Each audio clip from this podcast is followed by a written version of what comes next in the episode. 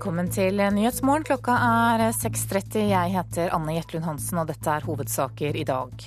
Hugo Chávez fortsetter som president i Venezuela i seks år til. Seieren blir feiret med fyrverkeri i gatene i Caracas.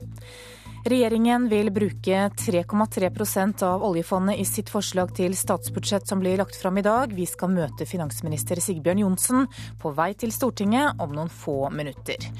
Og store veiprosjekter må ofres, slik at vi kan prioritere å bygge jernbaner. Det mener leder i Naturvernforbundet Lars Haltbrekken. Det er selvfølgelig veldig bra at man får en økt satsing på jernbane, men eh, når vi samtidig får en kraftig satsing på vei, så blir nok resultatet økte utslipp av helseskadelige stoffer og økte klimaendringer.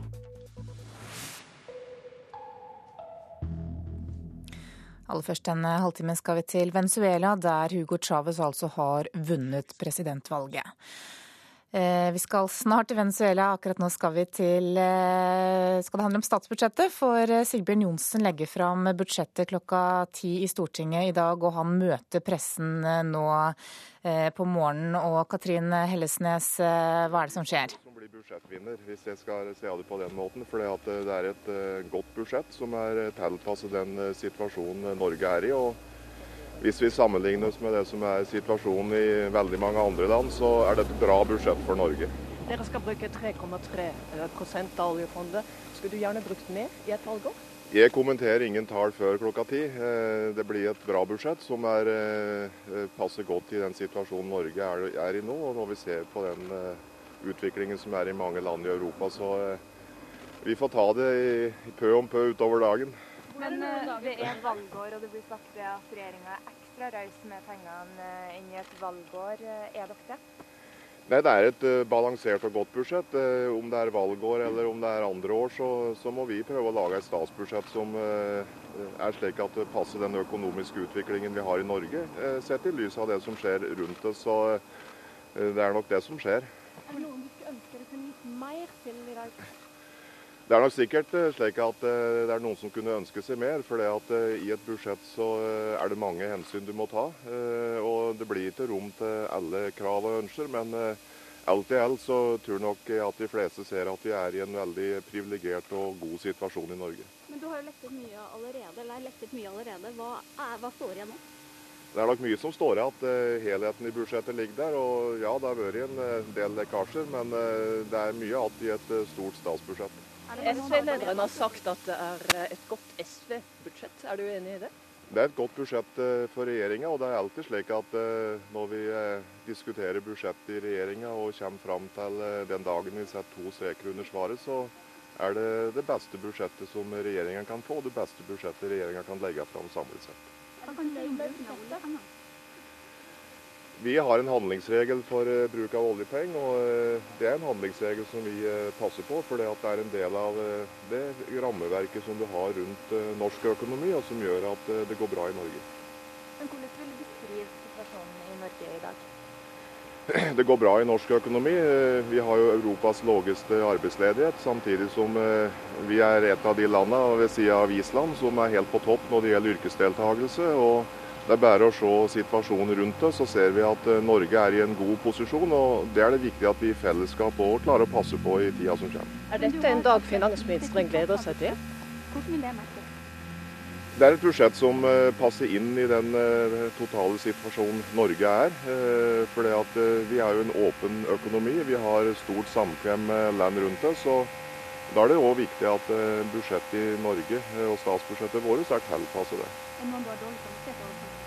Totalt sett så er det et eh, bra budsjett, men det er klart at eh, sjøl en finansminister kunne ha ønska at eh, det var litt andre tall og litt andre satsinger i et budsjett. Men det er resultatet av et helhetsarbeid som regjeringa har gjort. og Slik sett så er jeg veldig godt fornøyd med det sluttresultatet som presenteres klokka ti. Men du, du sitter nå som du har å rutte med. Hvordan har arbeidet med budsjettet da vært? Vi hørte altså Sigbjørn Johnsen, og budsjettforslaget blir lagt fram i Stortinget klokka ti i formiddag. Og Vi skal fortsette med saker som gjelder budsjettet, for det kan ta åtte år å få på plass et nytt beredskapssenter på Alnabru. Det viser Statsbyggs utredning. Nå ønsker politimesteren i Oslo at Rom Eiendom gjennomfører prosjektet, for selskapet mener at de kan fullføre på halve tida. Etter at 22. juli-kommisjonen la fram sine anbefalinger i august, så var et slikt nytt beredskapssenter etter ett av flere tiltak statsminister Jens Stoltenberg la på bordet. For det andre starter vi etableringen av et nytt beredskapssenter for politiet i Oslo.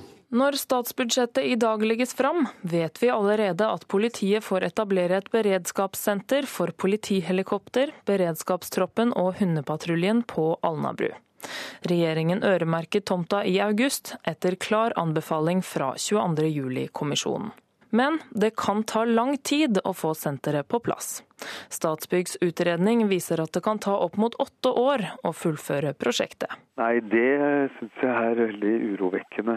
Eh, så lang tid kan det jo ikke ta. Sier stortingsrepresentant for Arbeiderpartiet i Oslo, Jan Bøhler. Vi har veldig stort behov for å få det på plass raskest mulig. Nå har vi lært så mye etter 22.07 om at uh, ting har tatt for lang tid. Når det gjelder å avklare, når det gjelder å få ting ferdig, når det gjelder gjennomføringsevne. Og nå må vi vise at vi greier å levere bedre i det tilfellet her. Politimester Hans Sverre Sjøvold har bedt Politidirektoratet om en avklaring om byggherre for prosjektet. For Rom Eiendom, som eier tomta på Alnabru, har anslått at de kan fullføre prosjektet på halve tida, fire til fem år. Ja, Det er i hvert fall eh, veldig bra at Oslo-politiet tenker alternativt for å få det raskere opp. Vi kan ikke akseptere at Statsbygg skal bruke åtte-ni år, så vi må finne en bedre løsning enn det. Og Da syns jeg det er verdt å se, se på det politiet i Oslo nå foreslår. Reporter var Kjersti Kanestrøm Lie. Store veiprosjekter må ofres slik at vi kan prioritere å bygge jernbaner. Det mener leder i Naturvernforbundet, Lars Haltbrekken. Regjeringen legger altså i dag fram et forslag til statsbudsjett som de mener at vil gi eh, unnskyld, samferdselssektoren et stort løft. Haltbrekken mener penger til jernbane er bra, men at det ikke hjelper når det også bevelges mye til veiprosjekter. Det er selvfølgelig veldig bra at man får en økt satsing på jernbane, men eh, når vi samtidig får en kraftig satsing på vei, så blir nok resultatet økte utslipp av helseskadelige stoffer og økte klimaendringer. Forslaget til statsbudsjett som legges fram i dag, vil ifølge regjeringen gi tidenes løft til samferdselssektoren, med mye penger til både jernbane og vei. SV-leder Audun Lysbakken mener den store satsingen på jernbane også viser at regjeringen tar miljøet på alvor. Vi legger nå fram et opplegg der jernbaneøkningene er formidable. Altså nær doblet bevilgningene til jernbane i den rød-grønne perioden, og tredoblet investeringene. Og Det betyr at eh, vi er i ferd med å ta steget fra å være en eh, foreldet avkrok på Europa sitt jernbanekart, og inn i en moderne jernbanealder. Og Det kommer til å bety en helt ny jernbanehverdag i Norge. og det er bra for framkommeligheten, og det er bra for miljøet. Men dette er ikke bra nok for Lars Haltbrekken og Naturvernforbundet. Han mener de store veiprosjektene må vekk, og at jernbanebygging må prioriteres om klimakampen skal tas seriøst. Vi håper nå at vi kan få alle gode krefter med på å få en kraftig forbedring av togtilbudet, som miljøet virkelig trenger, på bekostning av noen av de store veiprosjektene som bare gir mer forurensning. Reportere her var Iver Kleiven og Anne Marte Moland. Utviklingsminister Heikki Holmås øker bistandsbudsjettet med 2,3 milliarder kroner fra i fjor til i år i statsbudsjettet. Han bekrefter økningen overfor Dagsavisen og legger til at bistandsbudsjettet under den rød-grønne regjeringen er blitt doblet. Målet om at 1% av inntektene til Norge skal brukes til å hjelpe folk ut av fattigdom er nå nådd, ifølge Holmås. Fra 2004 til 2013 er bistandsbudsjettet doblet fra 15 til 30 1,2 milliarder kroner, sier han. Norges nasjonalskatter står i fare for å bli ødelagt for alltid. Dersom det ikke legges 40 millioner kroner på bordet til noen av våre viktigste kulturminner i forslaget til statsbudsjett i dag, så ser det mørkt ut. Det sier direktør ved Kulturhistorisk museum. Hvis vi ikke får pengene, er det, oppstår det en gigantisk krise. Det sier Rane Wilderslev. Som direktør for Kulturhistorisk museum er han ansvarlig for samlingen av vikingskipene og tilhørende gjenstander på Vikingskiphuset på Bygdøy i Oslo. Det jeg forventer, det er at vi får pengene til selve redningsprosjektet, altså Saving Oseberg. Ja. Tidligere i år ble det kjent at nasjonalskattene er i mye dårligere forfatning enn antatt. Enkelte gjenstander er så skrøpelige at man frykter de kan kollapse når som helst. Og Der har vi jo bedt om 40 millioner over en årrække. Som skal gå til redningsprosjektet Saving Oseberg. De kan kollapse når som helst. Altså, de kan smuldre bort. fordi det der skjer, det er jo at treet simpelthen øh, oppløses, smuldrer bort. Og det der nå holder gjenstandene sammen, er i og for seg kun den lakk øh, slederne og vognene og de andre gjenstandene er malet med. Det er Universitetet i Oslo som eier Vikingsamlingen, og da de søkte om en hastebevilgning hos Kunnskapsdepartementet for et halvt år siden, var svaret nei. Du har vel ikke fått en ørliten eh, tekstmelding eller et annet lite hint fra kunnskapsminister Kristin Halvorsen? Nei, jeg har ikke fått altså, Det er jo stort hemmelighetskrammeri omkring sånn et statsbudsjett. Men i et intervju med NRK tidligere i år sa Kristin Halvorsen følgende. Nei, jeg tror faktisk ingen vil ønske å skrive seg inn i historien som den som var ansvarlig for at man pulveriserte eh, vikingskipene og en helt spesiell eh, kunstskatt som vi har ansvaret for å ta vare på for ettertiden. Halvorsen vil ikke kommentere denne saken før statsbudsjettet kommer klokken ti i dag. Men NRK erfarer at Vikingsamlingen blir omtalt i budsjettet. Vikingskipene på Bygdøy er jo helt unike, ikke bare i norsk sammenheng, men også i europeisk sammenheng. Det sier riksantikvar Jørn Holme, som også er bekymret over vikingsamlingens tilstand. Ja, Det er jo en veldig prekær situasjon. Disse gjenstandene, spesielt vognene og, og, og sledene, må tas vare på på en helt annen måte.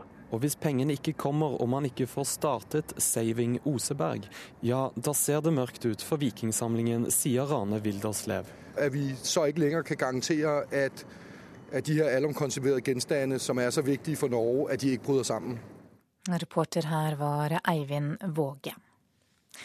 Så til Venezuela, der Hugo Chávez har vunnet presidentvalget. Det er klart etter at stemmene fra valget i går nå er talt opp.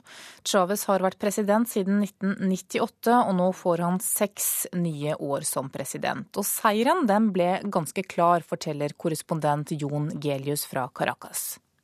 Ja, Seieren til Hugo Chávez ble så klar som de siste meningsmålingene tydet på, nemlig med 10 eh, forsprang i forhold til utfordreren Enrique Capriles. Hugo Chávez tok altså siste stikk i et meget spennende presidentvalg. Han fikk hele 54,42% av stemmene, mens utfordreren fikk 44,97% Og det i et valg der valgdeltakelsen er den høyeste på flere år, med 80,94 hva har Chávez motkandidat Enrique Capriles sagt om valgnederlaget? Ja, Enrique Capriles erkjente for få minutter siden valgnederlaget i en følelsesladet tale til sine tilhengere. og Da ba han dem om ikke å føle seg uslått. og Han tilføyde vi har plantet mange frø rundt om i Venezuela, og jeg vet at disse frøene vil vokse seg til mange trær. Altså et slags budskap om at det tar tid å skulle vokse seg sterke nok til å kunne overta makten her i Venezuela. Hvordan blir nyheten mottatt i Caracas? Ja, I samme sekund som eh, valgresultatet ble lest opp på statlig fjernsyn, så eksploderte natthimmelen her eh, over Caracas, hovedstaden, med fyrverkeri og salutter, som varte i nesten en halv time. Og tusenvis av jublende Chávez-tilhengere er nå for lengst eh, i gatene. De har startet feiringen foran presidentpalasset her i Caracas med salsamusikk og altså fyrverkeri. Eh, og eh, den første meldingen fra presidenten selv kom på Twitter, der han skrev 'takk til mitt elskede folk'. Og nå kommer det til å bli en folkefest i gatene her i Caracas utover natten lokaltid. Da skal vi ta en kikk på dagens aviser og se hva de har på forsidene sine i dag. Det er trist hvor fort valgkampen slo inn etter 22.07 i fjor. Det sier Oslos ordfører Fabian Stang til Aftenposten. Han mener Arbeiderpartiet skulle ha full kontroll etter terroren, og at angrepet altfor raskt ble en sak for valgkampen. Dagbladet gir deg svaret på hvordan økonomien din blir neste år, både når det gjelder lønn, rente, strøm og bolig. Se opp for luremat, skriver VG. Mange matprodukter er ikke hva de lover, og Forbrukerrådet krever opprydning. Sju av de ni sykehusforetakene i Helse Sør-Øst skal bytte styreleder. Helseministeren mener dette er hans fortjeneste, men det benekter styreleder Per Anders Oksum i Helse Sør-Øst overfor Dagens Næringsliv. Økningen i pensjonsutgiftene preger regjeringens forslag til statsbudsjett som legges fram i formiddag. Det skriver Bergens Tidende. Forsker Alf Erling Risa sier han tror helse- og omsorgssektoren vil knake i sammenføyningene, fordi oppgavene blir for mange. Vi vil dele likt, men får det ikke til, skriver Dagsavisen. Sju av ti vil ha likestilling, men i praksis så lar menn kvinner gjøre det meste hjemme likevel. Klassekampen forteller at Statsbygg slår ring rundt lærlingene. Statens egen utbygger krever nå at bedrifter de inngår kontrakter med, har lærlinger i arbeidsstokken. Seks av ti sier nei til å bruke bompenger for å finansiere jernbanen. Motstanden er størst blant Senterpartiets velgere, skriver Nasjonen. Vårt Land forteller at folkehelsekoordinatorer ikke får jobb, selv om norske kommuner skal satse mer på å holde folk friske. Og Bergensavisen skriver om en katt som har blitt torturert. Matmoren er fra seg etter at noen har revet halen av katten hennes.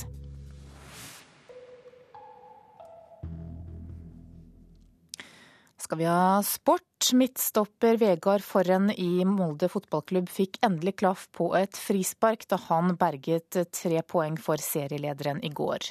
Molde var i ferd med å rote bort seieren da trønderen fyrte av med venstrebeinet fra 17 meter. Frispark til Molde på rundt 17 eh, meter. Litt skrått på målet. Er det Forren som skal skyte med venstreslegga? Skyter Forren! Rett i mål! For en skåring av Vegard Forren på frispark på 17 meter! Kanon i krysset! Ja, med å få prøvd meg i match, da, men jeg har stått eh, på feltet. og Vi har spilt om noen flasker cola etter trening eh, i hele år, så har som regel stått igjen som taperen der, så i dag så var det godt å se at den endelig gikk inn. Ja, fantastisk treff, da. Ja, øh, var kanskje litt heldig, men eh, nei da. Det var på tide at den satt, og det var godt å få seg et mål. Han har betalt mange cola for denne, for å si det sånn. Han har tapt mange konkurranser, men så han har øvd seg mye. Men selvfølgelig var det viktig. Når du føler at uh, på 2-0 så har du full kontroll, og det er bare om å gjøre å få spilt ferdig de siste ti minuttene. Men når det er sånne forhold, så hvis ballen kommer inn i feltet, så er det alltid noe som kan skje. Og, da, og det gjorde det, og da er jeg veldig takknemlig for en såpass venstrefot, ja. Endelig full for Vegard Forhen på frispark etter mange forsøk på treningene. Han skal få flere sjanser fra den posisjonen, lover sjefen sjøl. Trønderen er altså i kjempeform, men på landslaget er det vanskelig å bryte inn på laget, så lenge det er Manchester United-aktuelle Brede Hangland som spiller på venstresida i midtforsvaret. Nei, det er tøft, det er så klart. Det, må, det skal det være òg, men jeg vet sjøl at jeg har prestert såpass godt at jeg håper jeg i hvert fall er et alternativ. Og så får jeg jobbe på trening når vi samles, og så får vi se om sjansen byr seg. Og reporter og kommentator i Molde i går, det var Arne Flatin. Du hører på Nyhetsmorgen i NRK P2 og Alltid nyheter. Klokka er 6.48, og dette er hovedsaker i nyhetene i dag. Oljefondet er snart på størrelse med fire statsbudsjetter. Nå har vi snart 4000 milliarder kroner på fond. Det kan ta åtte år å få på plass et nytt beredskapssenter på Alnabru i Oslo. Og kunstmaler Odd Nerdrum fortsetter sin ferd gjennom rettssystemet. I dag må han møte i rettssak nummer tre bare i år.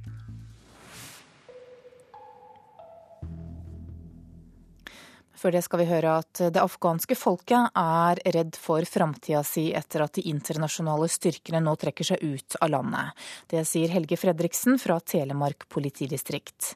Før helga kom han hjem til Porsgrunn. Han var den siste norske polititjenestemannen som forlot det krigsherjede landet. De er engstelige for hva som vil skje etter at de internasjonale trekker seg ut. Eh, vi ser allerede nå at, eh, at, eh, boligpriser og ting begynner å falle. Altså trua på framtida er, er relativt lav. Det sier Helge Fredriksen fra Porsgrunn. Etter å ha vært en del av den norske politikontingenten i Afghanistan, er han en av de to siste polititjenestemennene som forlot det krigsherja landet. Det er spesielt å gå bevæpna og til dels også med, med skuddsikker vest hele dagen. Oppgaven til den norske politikontingenten var i første rekke å lære opp afghanske politifolk. Det som norsk politi starta med, var jo lederopplæring. Vi har faktisk hatt eh, kurset alle eh, toppgeneralene i, i, afghansk politi. I tillegg til at vi har gjort en kjempeinnsats på, for kvinner i Afghanistan, som har vært en av satsingsområdene for norsk politi. Eh, vi har vært med utdanna 1300 politikvinner. Eh, det er klart at det har lært masse om eh, kulturforståelse, respekt for andre mennesker, andre både livssyn og måter å leve på. Hvordan ser du framtida for eh, folk i, Afghanistan? Jeg tror framtida for afghanerne er å få i gang industri og skape arbeidsplasser. Så jeg opplever at det er eh, usikkerhet blant afghanere om, om framtida etter at de internasjonale trekker seg ut. Reporter var Ragnar Lurås. Russisk fiskerinæring krever endring i det de mener er forskjellsbehandling av norske og russiske fiskefartøyer. Russerne viser til at en norsk tråler dumpet fem tonn fisk, og at det tok ett år før norske myndigheter reagerte. I dag starter de norsk-russiske fiskeriforhandlingene om forvaltningen av fiskeressursene i Barentshavet. Russisk fiskerinæring har i mange år hevda at de blir forskjellsbehandla når deres båter gjør lovbrudd på de rike fiskefeltene rundt Svalbard. I august avslørte NRK at en tråler fra Aker-konsernet dumpa fem tonn med fisk i Barentshavet i mai året før. Selv med en inspektør fra Fiskeridirektoratet om bord ble det ikke reagert fra norske myndigheter før statsadvokaten i Troms og Finnmark grep inn 15 måneder senere. Det var viktig for oss å understreke at uh, like tilfeller skal behandles, behandles likt. Og Derfor så valgte jeg å eh, beslutte etterforskning av denne saken, selv om direktoratet ikke ønska det i utgangspunktet. Sier førstestatsadvokat Lars Fause ved Troms og Finnmark statsadvokatembeter. Påtalemyndigheten ville kunne fått store problemer med å etterforske lovbrudd med russiske trålere hvis det ikke var blitt reagert i denne saken. Russiske trålere er blitt ilagt flere hundre tusen kroner i bot for dumping av ned mot 50 kilo fisk. Russiske medier skriver at denne forskjellsbehandlinga må bli et tema i de norsk-russiske fiskeriforhandlingene denne uka. Norges forhandlingsleder Arne Røksund er ikke enig i at norske og russiske båter forskjellsbehandles. Nei, vi blir ikke forskjellsbehandlet. Selv om russisk fiskerinæring krever endring fra norske myndigheter, så forventer ikke forhandlingsleder Arne Røksund at det vil gjøre forhandlingene vanskelig. Jeg forventer et, eh, et godt klima.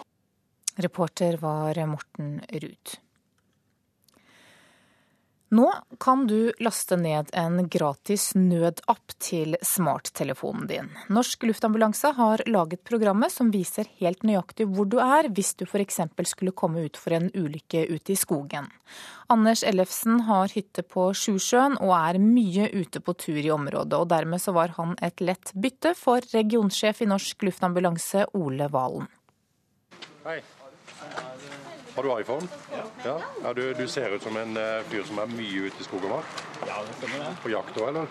Ja, Ikke foreløpig. Ikke foreløpig, men du har tenkt på det? Det vi har vi er fra Norsk Luftambulanse. Mm -hmm. Vi har utvikla en app som kan gi deg korrekt kartreferanse på hvor du er, i tilfelle det skulle skje en ulykke eller en alvorlig sykdom. Det er noe du kunne tenkt deg å laste ned? Den er gratis? Ja, så klart det. Ja. Skal vi ta prøve det sammen? Hvis du går på AppStore. Hytteeier Anders Ellefsen trener mye og er ofte langt utenfor allfartsvei i områdene rundt Sjusjøen. Jeg syns eh, den virker veldig kjekk å ha med seg når man er ute, for min del, og trener i fjellet. Går på ski eller løper. Sånn som eh, etterpå så skal jeg ut på en tre-fire timers tur. Men Det er ikke noe problem med det været her, men det kunne ha vært tåke. Så da er det veldig, veldig kjekt å ha den. Og Når du er ute og løper i skauen eller på fjellet, så vet du ikke egentlig helt nøyaktig hvor du er hen? Nei, det har du eh, helt rett i. Så er det veldig, veldig, veldig greit å ha den tilgjengelig. Nødappen gir altså helt nøyaktige koordinater der du er, og er til stor hjelp for redningsmannskaper som skal hente deg. Det være seg på dagtid, midt på natta eller i tåke. Eh, vi hadde en gang her i fjor hvor vi rett og slett ikke visste hvor vi var hen plutselig, for da var det så tett tåke. Så da brukte vi faktisk eh, tilsvarende kart, da. Men eh, det har fått ganske mye pepper i det siste, det kartet til Apple. Så, så da er det mye bedre å bruke en annen type med GPS, kanskje. Det sa Anders Ellefsen. Reporter var Stein Skinstad, og denne gratis nødappen heter altså Hjelp 113. Kunstmaler Odd Nerdrum fortsetter sin ferd gjennom rettssystemet. I dag starter den tredje rettssaken han er involvert i dette året. Nerdrum har saksøkt Skatt øst fordi han mener de feilaktig har beskyldt ham for skattejuks. I juni ble Nerdrum dømt til to år og ti måneders fengsel for nettopp å ha jukset med innbetaling av skatt. Vi mener at eh, etterligningsvedtaket er galt. Vi mener at eh, han har krav på å få tilbakebetalt for mye betalt skatt. Det sier Pål Berg, Odd Nerdrums advokat. Nerdrum krever nå et millionbeløp tilbake fra skatteetaten. Jeg kan ikke si direkte beløp, det avhenger av om inntekter skulle vært beskattet på Island eller Norge. Men det er betydelig beløp. Skatt betalt på Island og penger i bankbokser Uklarhetene er mange knyttet til Nerdrums økonomi. Nerdrum er også involvert i en straffesak. I juni ble han dømt til to år og ti måneders fengsel i Borgarting lagmannsrett for nettopp skattesvik. Straffesaken og skattesaken er to forskjellige saker, men uenigheten dreier seg om det samme. Om Nerdrum har betalt sin skatt eller ikke. Denne gang vil Berg legge fram nye bevis i saken. Det bare underbygger den forklaring Nerdrum har gitt tidligere. Advokat Frode Elgesem i advokatfirmaet Thommessen har vurdert de nye bevisene, og mener de kan få stor betydning.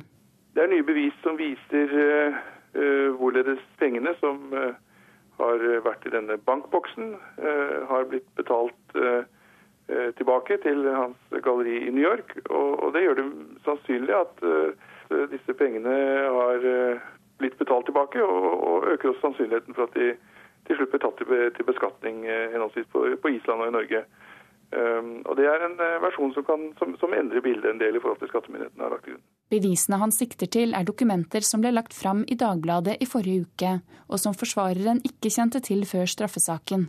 Vi mente at vi hadde nok bevis i lagmannsretten.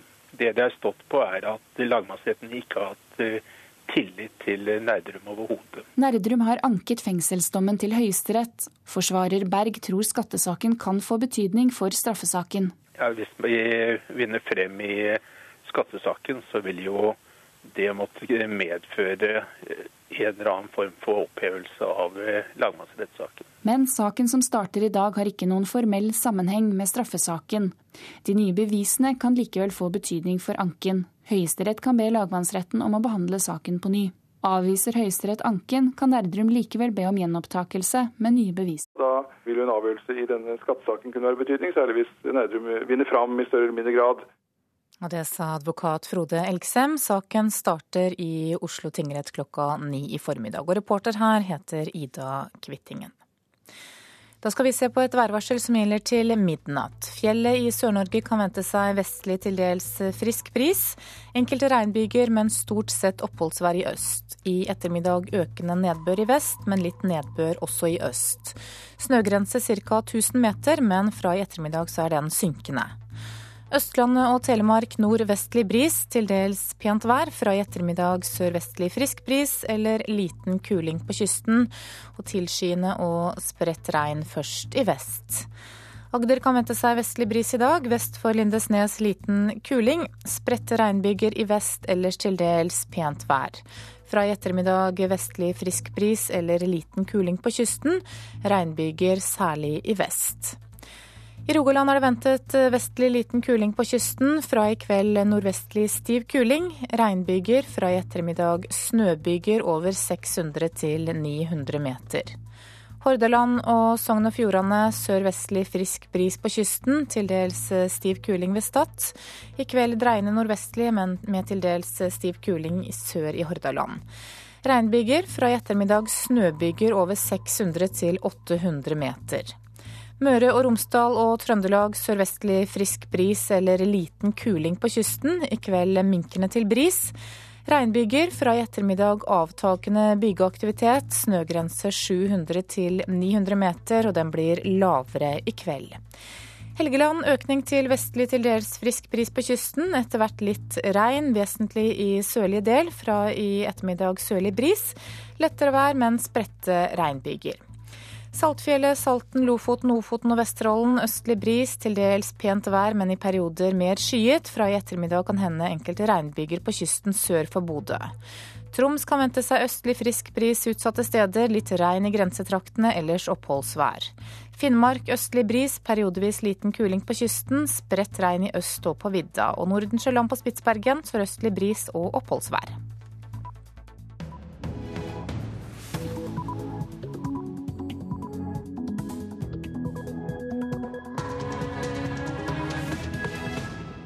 Klokka er sju. Du lytter til Nyhetsmorgen med Anne Jetlund Hansen i studio. Her er en nyhetsoppdatering. Oljefondet vokser til fire statsbudsjett. Nå har vi snart 4000 milliarder kroner på fond. Teoretisk sett har vi nok penger til fire år uten skatter, tobakksavgifter, formuesskatt, moms eller andre inntekter for staten. 40 barn og unge under 16 år utredes for transseksualitet på Rikshospitalet. De yngste er helt nede i femårsalderen. Atle er en av dem som venter på kjønnsskifteoperasjon. Jeg vet at jeg gjør dette fordi jeg har vært gutt siden jeg er liten. Og det er ikke noe tvil om at jeg er gutt. President Hugo Chávez er gjenvalgt som president i Venezuela i seks nye år. Han vant gårsdagens valg med over 54% av stemmene. Store veiprosjekter må ofres slik at vi kan prioritere å bygge jernbaner, mener Naturvernforbundet. Og flere bilførere risikerer å miste førerkortet pga. psykiske lidelser. Siv kjemper for å beholde førerkortet sitt. Så det virker jo som at noen vil ta ifra meg sertifikatet uansett hvor mange erklæringer jeg stiller opp med. Nå har jeg stilt opp med, med de jeg kan. Men aller først til statsbudsjettet som blir lagt fram i dag. Når budsjettet blir lagt fram, så blir det kjent at oljefondet snart runder 4000 milliarder kroner. For første gang så har vi nær fire statsbudsjett på bok. Sigbjørn Johnsen kaller det et stramt budsjett, men utgiftene øker fordi han kan lene seg på et rekordstort oljefond. Det er svimlende summer. Ja, Nok til å leve godt. Som de fleste nordmenn ville du selvfølgelig følt deg rik med fire årslønner på bok. Absolutt, ja. Det hadde du kunnet betalt ned et, eh, et huslån, f.eks. Det ble greit. Neste år blir oljefondet like stort som fire statsbudsjett. Teoretisk sett har vi nok penger til fire år uten skatter, tobakksavgifter, formuesskatt, moms eller andre inntekter for staten. Slik blir det selvsagt ikke. Da syns jeg de bør ta for seg eh, vedlikehold av veiene i landet. Eh, de bør fikse opp eh, for de eldre. De bør fikse opp skolen i dette landet.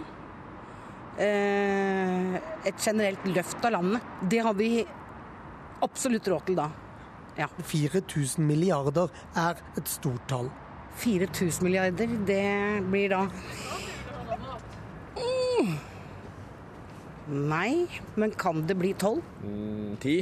Eh, ja, si det. Det er seks nuller en million, og da er det vel ni, ni en milliard, og da er det vel tolv. Eh, Hvor mange nuller er det i 4000 milliarder? Ja, det tar jeg ikke i hodet, men jeg tror jeg er 12 pluss 3. 15 eller noe sånt. Jens Stoltenberg sitt handlingsrom øker med de tolv nullene. De fire prosentene politikerne mener det er forsvarlig å ta ut, er i kroner nå tre ganger så mye penger som da de rød-grønne overtok.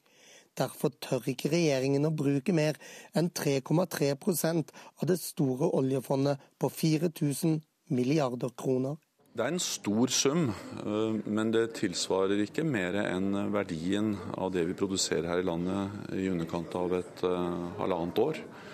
Eh, og Det viser hvor viktig det er at vi skiller mellom opptenning og bruk av eh, oljeinntekter. og at vi forvalter de store verdiene på en forsvarlig måte. Nettopp fordi fondet er blitt så stort og avkastningen ikke er 4% tar eksperter nå til orde for å endre handlingsregelen. For hvis vi bruker 4% som dagens handlingsregel tillater, så tapper vi faktisk oljefondet på bekostning av de som kommer etter oss. Det påpekte sentralbanksjef Øysten Olsen i sin årstale. Det avtegner seg nå et annet bilde enn da handlingsregelen ble trukket opp i 2001. Med en normal risikopremie på aksjer kan realavkastningen på hele fondet tallfestes til 3% Bruker vi mer enn den årlige avkastningen på fondet, vil vi tære på sparekapitalen. Sentralbanksjefen mener derfor vi ikke bør ta ut mer enn 3% av oljeformuen. Dessuten betyr 4 i dag at vi bruker mye mer penger, siden fondet er blitt så mye større, sier BI-professor Hilde C. Bjørnland. Det er ikke forsvarlig å bruke så mye heller lenger, fordi det ville bety et veldig ekspansivt budsjett, fordi selve fondet er blitt så stort fordi oljeprisen har økt så kraftig. Seniorforsker i Statistisk sentralbyrå Erling Holmøy mener vi bør gå enda lenger og bare bruke 2% av fondet. Ikke av de samme grunnene som Øystein Olsen, men av en helt annen grunn. Og det er fordi det som det offentlige bruker pengene sine på, det er i stor grad lønn til offentlig ansatte eller lønnsindekserte pensjoner. Og lønn de vokser i Norge med ca. 4% per år. Så hvis rentene på det vi får på oljefondet nominelt er 6 så for å demme opp for lønnsveksten, så burde vi bare tatt ut 2% SSB-forsker Erling Holmøy mener at dersom vi beholder dagens handlingsregel, så vil fondet krympe i forhold til de offentlige utgiftene det skal betale for. Vi skal finansiere lønna til like mange sykepleiere til neste år som i dag. Ja, da burde vi hatt satt av 4% på oljefondet for å dekke opp for akkurat den lønnseffekten. Reportere her, det var Lars Nehru Sand og Linda Reinholdsen. Og som finansministeren pleier, så har Sigbjørn Johnsen også i år møtt pressen tidlig på morgenen, den dagen statsbudsjettet legges fram. Det er eh, nok vi samlet som blir budsjettvinner, hvis jeg skal se det på den måten. For det er et eh, godt budsjett som er tilpasset den eh, situasjonen Norge er i. og hvis vi sammenligner oss med det som er situasjonen i veldig mange andre land, så er det et bra budsjett for Norge. Dere skal bruke 3,3% av oljefondet. Skulle du gjerne brukt mer i et valgår? Jeg kommenterer ingen tall før klokka ti. Eh, det blir et bra budsjett som er, eh, passer godt i den situasjonen Norge er, i nå. Og når vi ser på den eh, utviklingen som er i mange land i Europa, så vi får ta det i pø om pø utover dagen. Ja, Det sa Sigbjørn Johnsen da vi møtte ham for en halvtimes eh, tid siden. Han vil ikke kommentere tall, men det kan du gjøre, kommentator her i NRK, Magnus Takvam. Betyr en bruk eh, på 3,3% av oljefondet i statsbudsjettet at det blir et stramt budsjett? Her er jo fagøkonomer eh, sikkert eh, strengere enn det folk flest vil være. Eh, den bruken av oljepenger som vi snakker om her, Eh, betyr at eh, virkningen på økonomien er, som man sier, omtrent nøytral. Altså at det verken betyr innstramming eller eh, sterk vekstimpuls. Så får vi se på de bitte små desimalene når budsjettet blir presentert i sin helhet. Men det er ikke innstra et innstrammingsbudsjett, dette. Hva er regjeringens viktigste satsingsområder i dette budsjettet? Eh, hvis vi så Dagsrevyen i går, så, så, tror jeg i hvert fall regjeringen selv vil mene at samferdselssektoren er eh, en vinnersak og en kjempesatsing. Og det er ingen tvil heller eh, at når vi ser på eh, tallene i samferdselssektoren, så er det enorme beløp. Og det er sterk vekst. Eh, så det er, er en prioritering fra regjeringens side, helt åpenbart. Eh, men der hadde vi det paradoksale at eh, opposisjonen jo gikk i strupen på da regjeringen nettopp pga. dette. Så her får vi en debatt uansett om dette eh, er nok, eller om det er for sent osv. Ellers så er kommuneopplegget, som jo produserer veldig mye av velferdstjenestene våre, barnehage, skoler osv., en satsing. Og der kommer eh, regjeringen med et beløp som kommunenes interesseorganisasjon har varslet krav om. sånn at det nok også, vil, vil, nok også bli framstilt som, som et raust budsjett. Økning i frie midler på 5 milliarder kroner, i alt en vekst på 6,8 for å være nøyaktig. Eh, det er et ekspansivt eh, kommuneopplegg, vil regjeringen hevde. Dette blir kanskje det siste budsjettet til den rød-grønne regjeringen. Hvordan preger valget dette budsjettet? Det er helt opplagt at dette er et valgkampbudsjett. Eh, og vi har sett en masse forhåndslekkasjer der de enkelte partiene eh, har forsøkt å profilere sine saker. SV en del på miljø, pappapermisjon, eh, skolesatsing. Senterpartiet med tollsatser i, i, i landbruket osv. Så sånn at det er et forsøk på å kombinere et relativt ansvarlig opplegg, som jo Arbeiderpartiet er opptatt av å få fram i forhold til sysselsetting av arbeidsplasser, med enkeltsatsinger på profilområder. Ja, hvordan har tautrekkingen innad i regjeringen vært i år, hva vet vi om det? Det har vært natt, nattevåk og, og, harde kamper denne gangen også. Men alle vet altså Den felles bevisstheten i regjeringspartiene er jo tross alt at vi må prøve å vinne valget. Og da er det en, en balansegang som jeg var inne på, mellom det å holde igjen pengebruken og tross alt satse noe. Men det er så, sterk, sterk, altså så sterke satsinger som uansett koster mye penger. Det er en befolkningsvekst, f.eks. Eh, antall eldre øker, som gjør at man ikke har så ekstremt mye igjen til liksom, nysatsinger og, og profiler på, på, den måten. Eh, men lille, den lille profilpotten man har til å krydre budsjettet med, den har det vært hard kamp om. Hva vet vi da om hvem som blir taperne? Nei, Det vet vi ikke nøyaktig. Eh, jeg tror nok kanskje at debatt debatten etterpå nå vil eh, dreie seg om beredskap, f.eks. Er det nok penger til beredskap etter 22.07?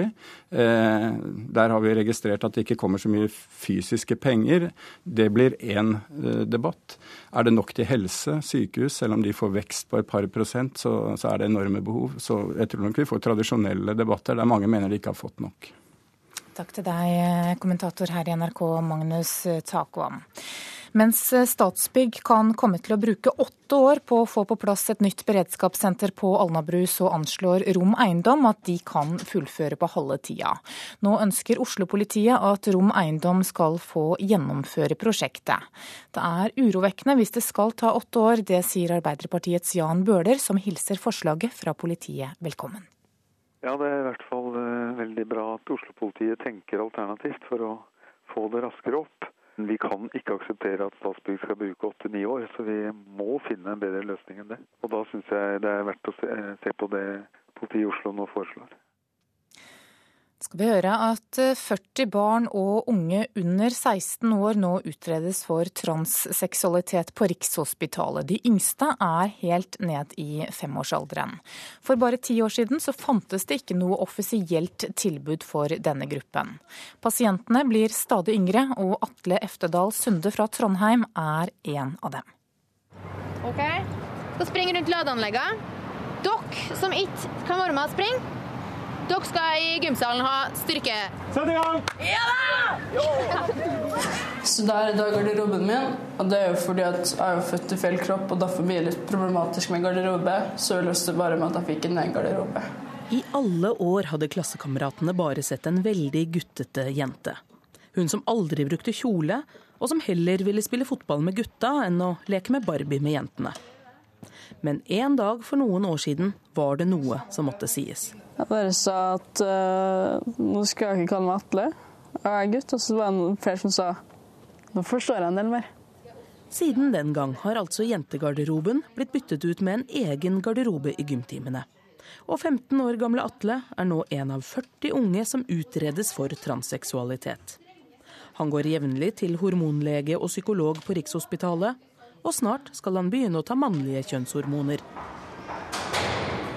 Eh, våre pasienter blir yngre og yngre i løpet av de siste eh, ti år. Sier Ira Haraldsen, som er fagleder ved Nasjonalfunksjonen for behandling av transseksuelle på Rikshospitalet. Det har sikkert grunnen i at helsevesenet har blitt bevisstere. Skoler, skole helsetjenester, barnehager er mer bevisste. Og foreldre er i dag eh, mer åpent for kjønnsuttrykksvariasjoner. Hun mener det er en fordel at pasientene er så unge. Fordelen med å observere over lang tid er faktisk at vi er tryggere, og pasienten er tryggere at det var en riktig beslutning. Fordi har du kjønnskonvertert, har du kjønnskonvertert. Det er ingen vei tilbake. de helt yngste pasientene følges opp med psykolog og rådgivning. Som regel kan ikke en endelig diagnose om transseksualitet stilles før i slutten av tenårene, mener Rikshospitalet. Atle, skulle du si noe på stikk med ordensreglementet? Ja, fordi jeg var jo på møte på fredagen som var nå. Da var jeg på edelagsmøte, og da snakka vi om det. Atle har aldri gjemt seg bort, til tross for sin spesielle historie. Tvert imot er han elevrådsleder og medlem av Ungdommens bystyre i Trondheim. Han regner også med å være like åpen i fremtiden. Folk må vite hvem jeg er. Selv om det, det, er, ikke, det er ikke en stor del av meg, men det er en del av meg. Og jeg ikke, skammer meg ikke. Men det er ennå lang vei igjen for Atle. Både en diagnose som transseksuell og 18-årsdagen må først være på plass før han kan ta en endelig kjønnsskifteoperasjon. Jeg vet at jeg gjør dette fordi at jeg har vært gutt siden jeg er liten. Og det er ikke noe tvil om at jeg er gutt.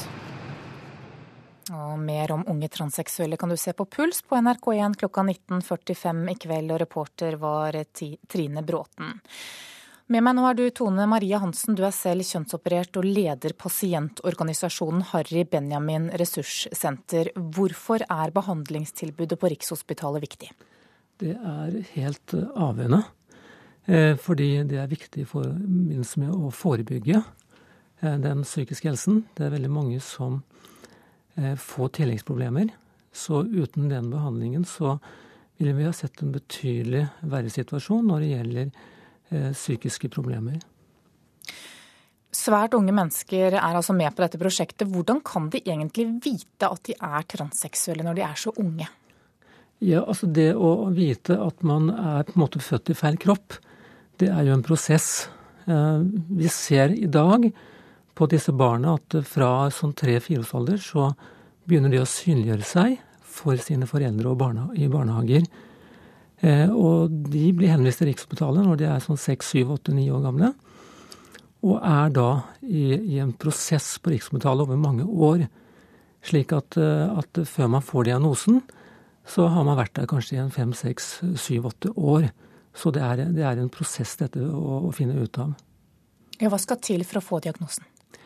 Altså, du må grunnleggende oppleve deg å være måte, født i feil kropp. Det, det, er, det, er, det, er, helt nødvendig, selvfølgelig. Eh, og så følger man opp eh, spesialister på Riksomtalen, det er et tverrfaglig gruppe. Eh, og når de er så sikre som overhodet mulig, og foreldrene støtter selvfølgelig, så kan man stille diagnosen, og diagnosen er, er da transseksualisme. Og ikke transseksuell, som er sagt her. Det er pasientene de, de opplever seg å være en gutt eller jente, men det er en diagnose. Altså De er ikke sin egen diagnose, som mange tror. De er en gutt eller jente med, som da er født i feil kropp. Hvordan er eh, forholdene for transseksuelle i Norge? Altså Situasjonen eh, for de som opplever seg sånn i Norge, den er selvfølgelig betydelig bedre enn den var den gangen jeg kom inn i behandlingen på 1980-tallet. Nå har vi et tverrfaglig team. Vi har Eh, tre ansatte som bare jobber med denne gruppen. Eh, vi har ikke minst også en pasientorganisasjon, Harry Benjamin ressurssenter. Vi har en barne- og ungdomsforening i Harry Benjamin ressurssenter, og en foreldre-pårørende-organisasjon. Så det er mye lettere å finne fram, og det er, det man kan få god støtte. Og ikke minst treffe andre også, altså noen å speile seg i. Eh, både for de som er i en pasientbehandling, men også for pårørende som trenger også å få snakke med andre. Så vi har en helt annen situasjon i dag enn det det var når jeg gikk igjennom denne prosessen, hvor man ofte var veldig alene om det og, og trodde man var den eneste i verden. Takk til deg, Tone Marie Hansen, som også leder pasientorganisasjonen Harry Benjamin ressurssenter. Da har klokka passert 18 eh, minutter over sju. Du hører på Nyhetsmorgen. Dette er hovedsaker i dag. Når statsbudsjettet legges fram i formiddag, blir det kjent at oljefondet snart runder 4000 milliarder kroner. 40 barn og unge under 16 år utredes for transseksualitet på Rikshospitalet. De yngste er helt ned i femårsalderen. Og det kan ta åtte år å få på plass et nytt beredskapssenter på Alnabru i Oslo. Det viser Statsbyggs utredning.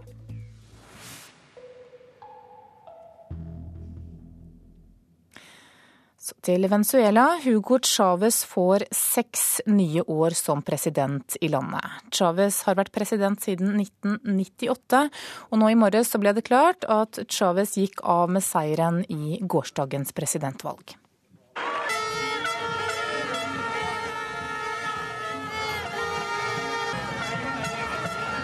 Fyrverkeri og salsamusikk. Folkefesten i gatene i Caracas starta straks resultatet var klart. Men samtidig som folkemengdene hylla Hugo Chávez, måtte opposisjonen sin kandidat Henrique Capriles vedgå at slaget var tapt. Han gratulerte Hugo Chávez med sigeren. Capriles fikk 45 av stemmene, Chávez 54,4. Og for kort tid siden kom sigerherren ut og takka folket som hadde samla seg framfor presidentpalasset. Reconocimiento a los casi 30 millones de venezolanas y venezolanos que hoy habitamos esta patria que renació, la patria de Simón Du hørte her en seirende Hugo Chávez fra presidentpalasset i Caracas. Reporter var Eivind Molde. Og korrespondent Jon Gelius er på plass i Venezuelas hovedstad. Han rapporterer om stor stemning i gatene etter Chávez' seier. Ja, I samme sekund som valgresultatet ble lest opp på statlig fjernsyn, så eksploderte natthimlen her over Caracas, hovedstaden, med fyrverkeri og salutter, som varte i nesten en halv time. Og tusenvis av jublende Chávez-tilhengere er nå for lengst i gatene. De har startet feiringen foran presidentpalasset her i Caracas med salsamusikk og altså fyrverkeri. Og den første meldingen fra presidenten selv kom på Twitter, der han skrev 'takk til mitt elskede folk'. Og nå kommer det til å bli en folkefest i gatene her i Caracas utover natten lokaltid. Chávez er jo en kontroversiell leder, iallfall internasjonalt. Hvorfor har innbyggerne i Venezuela så stor tillit til ham?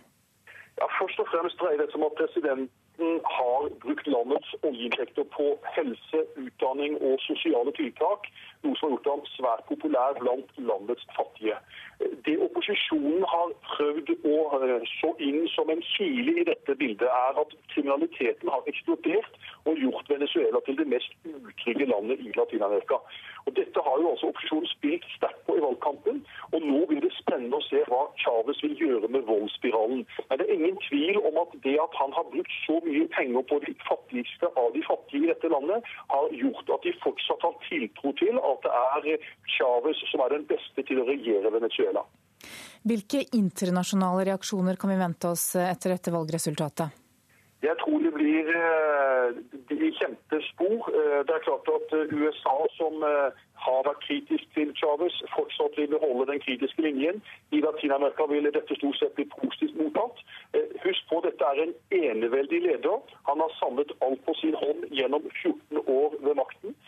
Vanskelig å skille regjeringen, staten og partiet fra hverandre. Alt er vevd inn mot el-kommandante, som Hugo Chávez kalles. Han har altså regjert her i 14 år sammenhengende. Nå får han en seks års ny periode som president for Venezuela. Og det er mange utfordringer som venter han i dette landet. Både i forhold til fattigdomsproblematikken, i forhold til voldsspiralen, og ikke minst også i forhold til den statlige, sterke styringen som han står som den fremste eksponenten for, og som utfordreren Enrique Capriles har sagt er ødeleggende for dette landet. Han har altså ønsket et mer markedsliberalistisk syn inn i Venezuela. Han tapte i natt.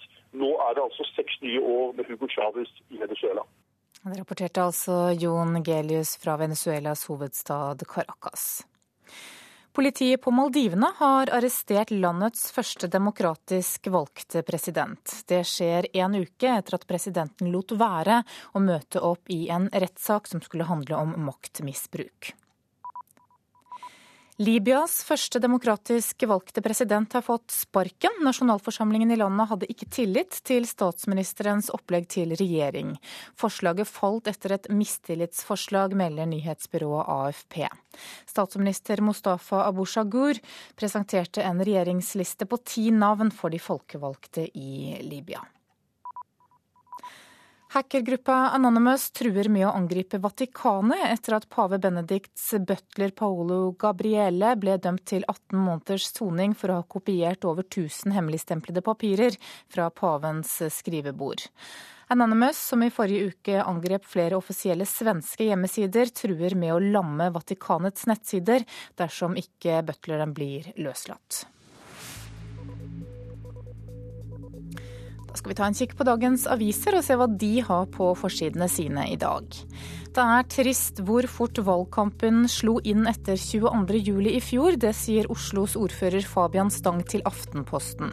Han mener Arbeiderpartiet skulle ha full kontroll etter terroren, og at angrepene altfor raskt ble en sak for valgkampen. Dagbladet gir deg svaret på hvordan økonomien din blir neste år, både når det gjelder lønn, rente, strøm og bolig. Se opp for luremat, skriver VG. Mange matprodukter er ikke hva de lover, og Forbrukerrådet krever opprydning. Sju av de ni sykehusforetakene i Helse Sør-Øst skal bytte styreleder. Helseministeren mener dette er hans fortjeneste, men det benekter styreleder Per Anders Oksum i Helse Sør-Øst overfor Dagens Næringsliv. Økningen i pensjonsutgiftene preger regjeringens forslag til statsbudsjett som legges fram i dag. Det skriver Bergens Tidende. Forsker Alf Erling Risa sier han tror helse- og omsorgssektoren vil knake i sammenføyningene fordi oppgavene blir for mange. Vi vil dele likt, men får det ikke til, skriver Dagsavisen. Sju av ti vil ha likestilling, men i praksis lar menn kvinner gjøre det meste hjemme likevel. Klassekampen forteller at Statsbygg slår ring rundt lærlingene. Statens egen utbygger krever nå at bedrifter de inngår kontrakter med, har lærlinger i arbeidsstokken. Seks av ti sier nei til å bruke bompenger for å finansiere jernbanen. Motstanden er størst blant Senterpartiets velgere, skriver Nasjonen. Og Bergensavisen forteller om en katt som har blitt torturert. Matmoren er fra seg etter at noen har revet halen av katten hennes.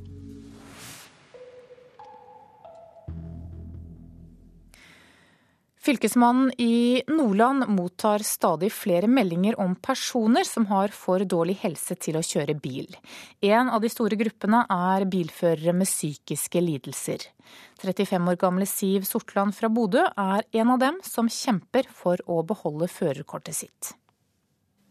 Så det virker jo som at noen vil ta ifra meg sertifikatet, uansett hvor mange erklæringer jeg stiller opp med. Nå har jeg stilt opp med med de jeg kan. 35 år gamle Siv Sortland fra Bodø er bipolar, det som tidligere ble kalt manisk depressiv. Hun har kjempa en lang kamp for å beholde førerkortet, og gjør det hun kan for at det skal skje. For personer som er bipolar, er det ingen selvfølge å få kjøre bil. Så var det brevet kommet inn, da, og da fikk jeg jo brev tilbake om at jeg ikke fylte helsekravene pga. sykdom og pga. medisinbruk. Sortland er en av mange som risikerer å bli fotgjenger. Som oftest er det leger som melder inn saker til Fylkesmannen. Der gjøres det en anbefaling om hva som skal skje med førerkortet. Antallet saker øker. Det merkes også i Nordland, sier assisterende fylkeslege Eli Løkken. Hos oss så har det vært en økning på sånn 15-20 økt saksmengde fra ett år til neste. En av årsakene er et klarere regelverk i forhold til bruk av medisiner. Det forteller fastlege Stefan Kjelling. På et spesifikt område så har jo terskelen blitt eh, lavere i og med at regelverket er blitt eh, tydeligere og kanskje litt strengere enn før. Og det gjelder dette området med medikamenter som kan gi sløvende effekt, eller til og med en ruseffekt. På tre år har antallet personer i Norge som får førerkortet vurdert inndratt pga. psykiske lidelser, økt med en tredel til over 2000. Sakene i kategorien psykiske lidelser inkluderer bl.a. demens og bipolaritet. Men selv om man er bipolar, betyr ikke det at alt førerkorthåp er ute, sier Løkken hos Fylkesmannen. Dersom pasienten er godt medisinert og tilstanden har vært stabil i tre til seks til ni måneder, så vil vi kunne innvilge dispensasjon.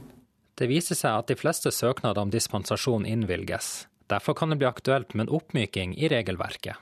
Det regelverket vi har i dag, eh, det er eh, tilpasset EU. Tidligere så hadde vi ikke så absolutte helsekrav i Norge. Og jeg tenker vel at man bør se på regelverket når det er som du sier, at 80-90% av søknaden om dispensasjon blir innvilget. Litt avhengig av hva det dreier seg om. Så bør man se på om man kan lempe på det, slik at flere vurderes å fylle helsekravene igjen. I Bodø gir ikke Siv Sortland opp å beholde sitt førerkort. Jeg skal ha det sertifikatet. Reporter her, det var Emil Innsetvike.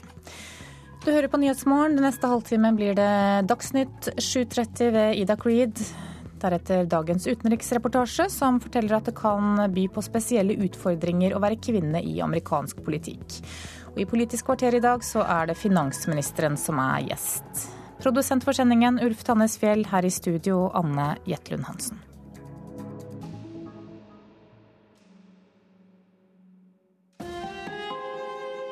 Hør ekko. I 30 år måtte hun bare ha det. Klarte seg ikke uten. Bæreposer med smågodt og brus for hundrevis av kroner hver eneste dag. Suget etter noe søtt var alltid der. Nå holder hun kurs for andre som er hekta på søtsaker. Hvor avhengig kan man bli av sukker? Ekko 9 11 i NRK P2. Da er klokka passert 7.40 og Nyhetsmorgen fortsetter. Det kan stadig by på spesielle utfordringer å være kvinne i amerikansk politikk. Bare 17 av 100 senatorer i USA er kvinner, og mange av dem kommer fra liberale New England nordøst i landet. Massachusetts, der Kennedy-familien bygget sitt politiske dynasti, har imidlertid aldri valgt verken en kvinnelig senator eller guvernør. I år forsøker Harvard-professor Elizabeth Warren å forandre på den statistikken, men det er ikke lett. I'm running for the United States Senate, and before you hear a bunch of ridiculous attack ads, I want to tell you who I am. Elizabeth Warren forteller velgerne hvem hun er i en reklamefilm. Hun har CV-en i orden. Ikke bare er hun jusprofessor ved verdens mest prestisjetunge universitet. Hun ble utpekt av president Obama til å være et forbrukerombud etter finanskrisen. Men det er ikke nok for den som vil sikre seg senatssetet til avdøde Ted Kennedy. For på ett område er liberale Massachusetts en nokså konservativ delstat. Delstaten har nemlig aldri valgt en kvinne til verken senator eller guvernør. Etter Ted Kennedys død måtte det holdes nyvalg. Og da valgte innbyggerne i Massachusetts denne mannen. Scott Brown, road, Scott Brown er republikaner og Tea Party-entusiast. Men ikke nok med det. I 1982 ble han kåret til USAs mest sexy mann av magasinet Cosmopolitan. For å vinne den prisen og finansiere jusstudiene poserte han naken i bladet. Det er blitt en sak i valgkampen. Men mange mener det ville ha vært en mye større sak dersom det var Elizabeth Warren, altså en kvinne, som hadde vært nakenmodell. Da hun nylig fikk spørsmål om hvordan hun finansierte jusstudiene, svarte hun tørt. Ved å beholde klærne på. Scott Brown parerte med en kommentar som gjør mange kvinner rasende.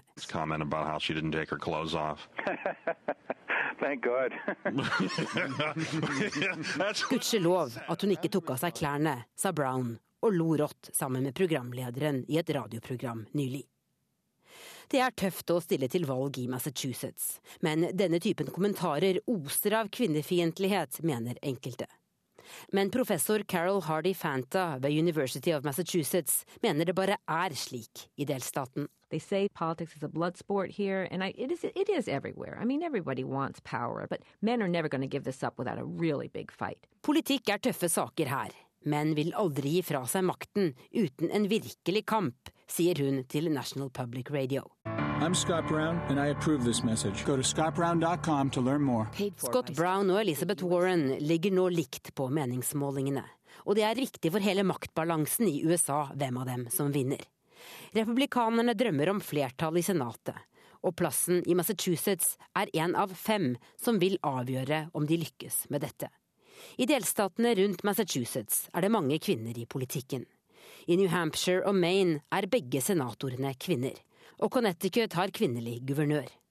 Det har Massachusetts altså aldri hatt. For ti år siden prøvde Shannon O'Brien å bli valgt til guvernør. Men hun tapte for en mann ved navn Mitt Romney. Nå tror hun på Elizabeth Warren. I was outspent three and a half to one. Elizabeth Warren, I think, has leveled that playing field. Warren har klart å samle inn like mye penger som Brown, sier hun. Problemet er bare at de fleste av de pengene slett ikke kommer fra donorer i delstaten Massachusetts. Og reporter her, det var utenriksmedarbeider Tove Bjørkås. Klokka har passert 7.44. Dette er Nyhetsmorgen, og hovedsakene våre nå er at når statsbudsjettet legges fram i dag, så blir det kjent at oljefondet snart runder 4000 milliarder kroner. President Hugo Chávez er gjenvalgt som president i Venezuela i seks nye år. Han vant gårsdagens valg med 54% av stemmene. Og 40 barn og unge under 16 år utredes for transseksualitet på Rikshospitalet. De yngste er helt ned i femårsalderen. Og statsbudsjettet er altså dagens store sak, og hva skjer i Politisk kvarter, programleder Bjørn Myklebust? Jeg skal lese et dikt.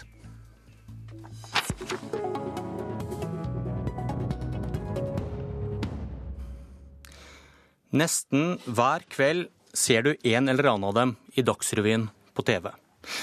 De står der oppsteilet på Stortingets talerstol og gnikker bakhodet mot de stramme, hvite pantalonknærne til eidsvollmennene på bildet i bakgrunnen.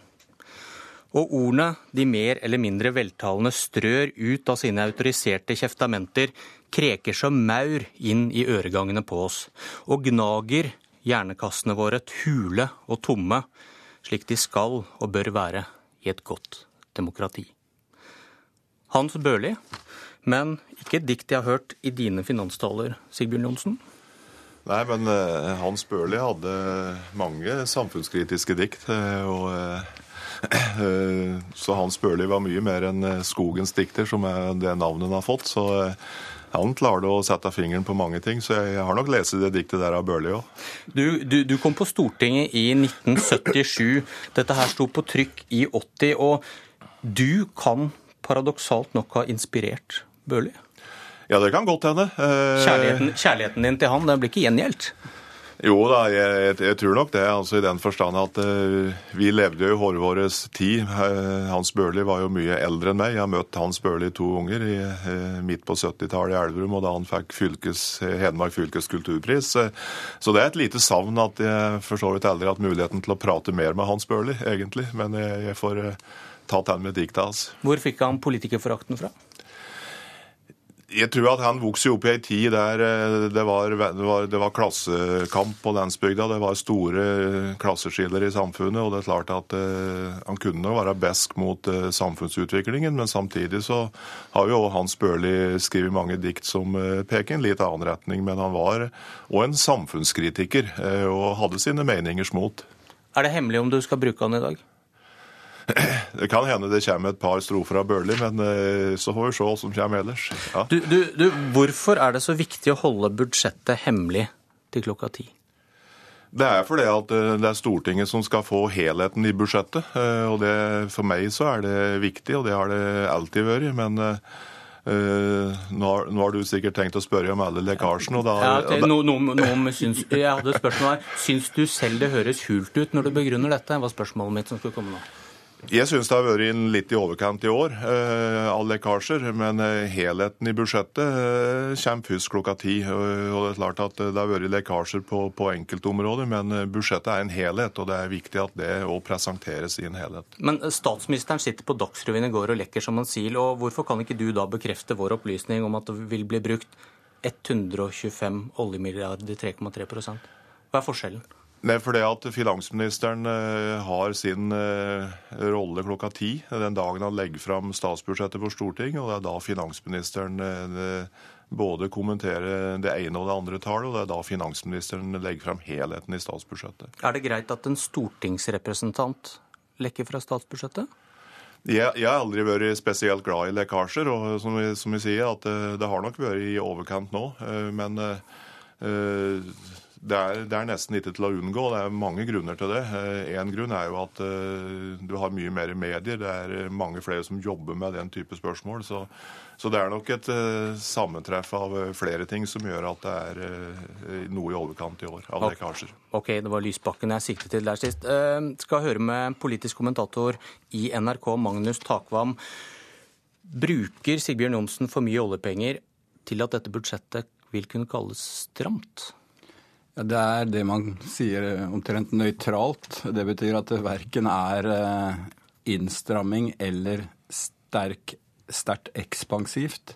Som sagt så er det vanskelig å, å definere det før man har alle de, de eh, parametrene som man må ha for å bedømme det. Men eh, jeg tror at Eh, en del av eh, regjeringspartiene var mer nervøse for noen måneder siden. Da så det verre ut når det gjaldt å få råd til en del ting. Men så har tross alt skatteinntekter, ting som uh, sykelønnsutvikling, vært gunstigere den siste tiden. Så man greier vel å kombinere et noenlunde såkalt ansvarlig budsjett med en del satsinger. Hva slags debatt kommer vi til å få om oljepengebruken etter klokka ti i dag? Nei, altså Når det gjelder hva opposisjonen mener, så har vi jo registrert at den deler seg litt eh, i to. Der eh, Fremskrittspartiet går mer eh, kritisk mot systemet og paradoksene i handlingsregelen. Dette at du f.eks. Eh, ikke regner investeringer i oljesektoren eh, på samme måte som eh, det du gjør innenfor budsjettet, og at det har like stor virkning osv. Så videre. sånn at den typen kritikk vil man få fra, fra det holdet. Og så vil f.eks. et parti som Høyre og kanskje andre mene at handlingsregelen er grei nok, men at regjeringen ikke har fulgt opp det som var intensjonen i sin tid, nemlig med å, å prioritere tiltak i budsjettene som som eh, dreier seg om infrastruktur, om eh, skattelette som er vekstfremmende, og, og innrettingen i, i, i, bruken av oljepenger, den, den, vil den delen av opposisjonen kritisere regjeringen for. Finansminister Sigbjørn Johnsen, skal det stå stramt budsjett på Arbeiderpartiets valgkampplakater neste høst? Men, eh, jeg tror ikke det blir et slagord på, på valgplakater, men arbeid for alle. Eh, slike ting er jo det viktig. Henger sammen. Det er en ganske nøye sammenheng mellom hvordan du konstruerer statsbudsjettet og de resultater du får i politikken. og det er, jo, det er, jo, helheten som da er viktig, både sett i forhold til det som skjer i Norge og norsk økonomi, men òg hva slags omgivelse det er rundt Norge. Så det er å finne denne balansen som egentlig er den mest krevende øvelsen i statsbudsjettet. Hvorfor kunne ikke en borgerlig finansminister gjort en like god jobb som deg å holde orden i norsk økonomi? Nå er det nå jeg som har den jobben nå, og jeg, og jeg syns det går bra i Norge. I hvert fall når vi sammenligner oss med andre land. Samtidig så er det uh, utfordringer òg i, i, i, norsk økonomi. Men uh, det som er et viktig poeng her, er jo at det er brei enighet i Stortinget om handlingsregelen som en del av det viktige rammeverket rundt økonomien. Der er det faktisk bare ett parti som skiller seg ut, og uh, det kommer vi nok tilbake til i løpet av dagen. Men Høyre-leder Erna Solberg hun sier det samme som deg og Jens Stoltenberg, at vi skal følge handlingsregelen og ikke bruke mer oljepenger enn det dere gjør. Hva er da forskjellen? Ja, Forskjellen er jo hvordan de eh, bruker pengene innenfor budsjettet. for Én eh, ting er den ytre rammen, og mye penger du bruker totalt sett, og så det, gjør de andre prioriteringer. og for F.eks. så vil nok Høyre gjøre en prioritering der de vil bruke mer på skattelette og mindre på andre ting. Så, så det er jo selve sammensetningen av alle de milliardene som er i statsbudsjettet, sjøl om du holder de innenfor handlingsregelen. Dreier handlingsregelen seg mer om forutsigbarhet enn, av, enn om økonomisk logikk? Det er litt begge deler. for eh, Den økonomiske logikken ligger jo i at hvis du skulle innrette eh, statsbudsjettet etter svingende oljeinntekter, altså at du skulle ta hensyn til oljeinntekten fra år til år, så ville du få stor ustabilitet. Så hele logikken ligger jo i at du skiller mellom det som er de løpende oljeinntekter inn eh, i statskassa og inn i statens eh, kasser, og hvor mye du skal bruke hvert eneste år. Og Jeg mener at det er en, en regel som gir stor forutsigbarhet og større stabilitet i den økonomiske utviklingen. Så Det er det som på, måte, på mange måter er hemmeligheten i anførselstegn bak handlingsregelen. Men dere blir da utfordret på logikken i at penger som går til vindmøllesatsing, det teller ikke med, mens penger som går til vei, det teller med. Alle de utgifter som eh, bidrar over streken i statsbudsjettet, eh, regnes med i handlingsregelen. Og all aktivitet, eh, både det som skjer i privat sektor og offentlig sektor, f.eks. når det gjelder investeringer, ligger til grunn for den helheten du har i statsbudsjettet. Så Men da kunne streken vært satt et helt annet sted, da, fordi dere tar hensyn til alt uansett? Det er to ting. For det første er det de utgiftene du bruker over den såkalte streken. Det som er under streken, er jo Dette blir litt eh, spesielt da for de som hører på, kanskje. Vi er litt spesielle her. men, men, det er jo f.eks. Eh, hvis du skjøt inn kapital i et, eh, i et, statlig selskap der staten enten eier alt eller eier aksjer. Og, og det er det vi kaller lånetransaksjoner. Betaling av nedbetaling på gjeld. Og hvis du må ta opp ny lån, nye lån av ulike grunner, så Men det som påvirker det vi kaller aktiviteten i økonomien, det er helheten. Og det tar vi selvsagt hensyn til når vi ser hvor mye penger vi kan bruke uh, i statsbudsjettet. Er det det samme med dette skatte- og avgiftsnivået fra 2004 som har vært frosset i din eh, finansministertid nå etter 2005, at det dreier seg like mye om forutsigbarhet som om økonomisk logikk? Ja, det er, det er, i hvert fall forutsigbarhet. For vi har sagt at vi skal eh, videreføre det skattenivået som var i 2004. Og vi var òg veldig nøye den gangen, det var før jeg kom inn igjen i regjeringa nå, med å definere hva som skulle være innafor og utafor dette skatteløftet. Det dreier seg òg om forutsigbarhet, og for så vidt òg en form for logikk i det. På hvilken måte?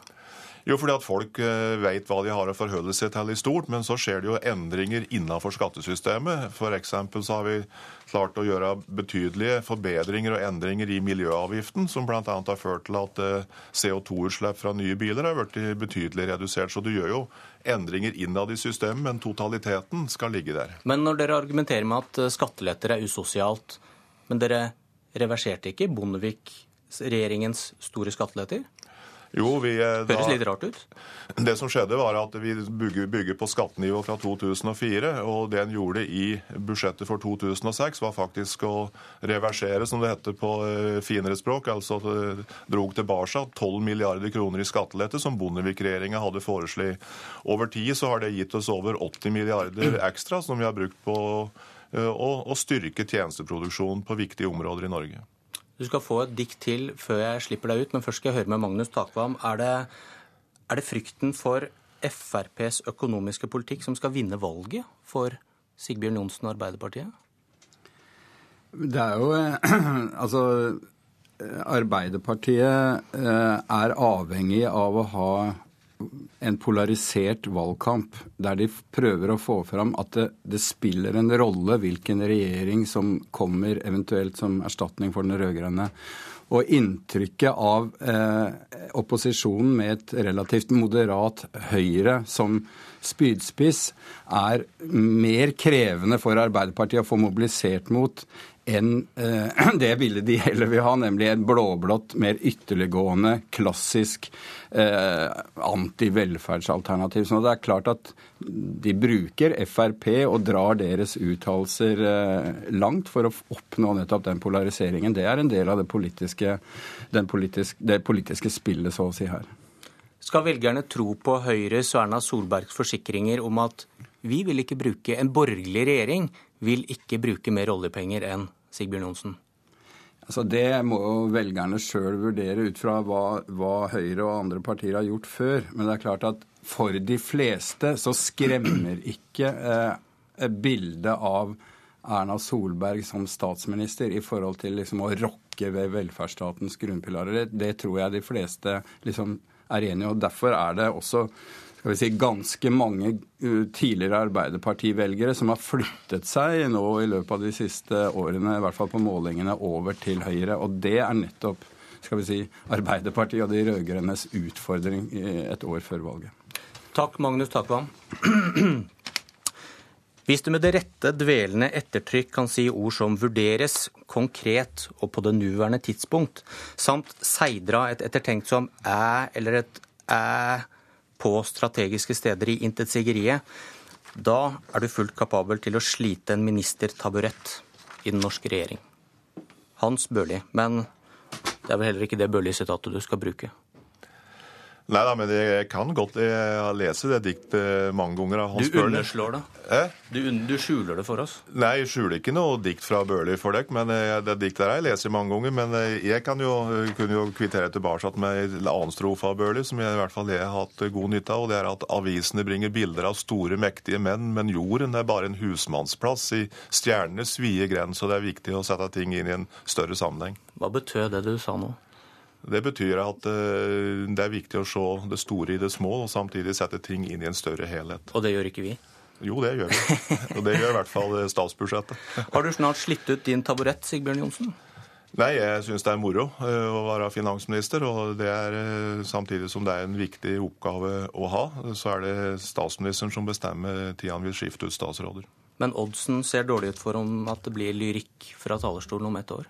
Det tror jeg ikke vi skal utelukke. Det er det ene. Og det andre er at det er ett år til valget, og det er ikke bestandig det lønner seg å være i for tidlig form hvis du skal vinne løpet når, det, når, når startskuddet går den dagen løpet står.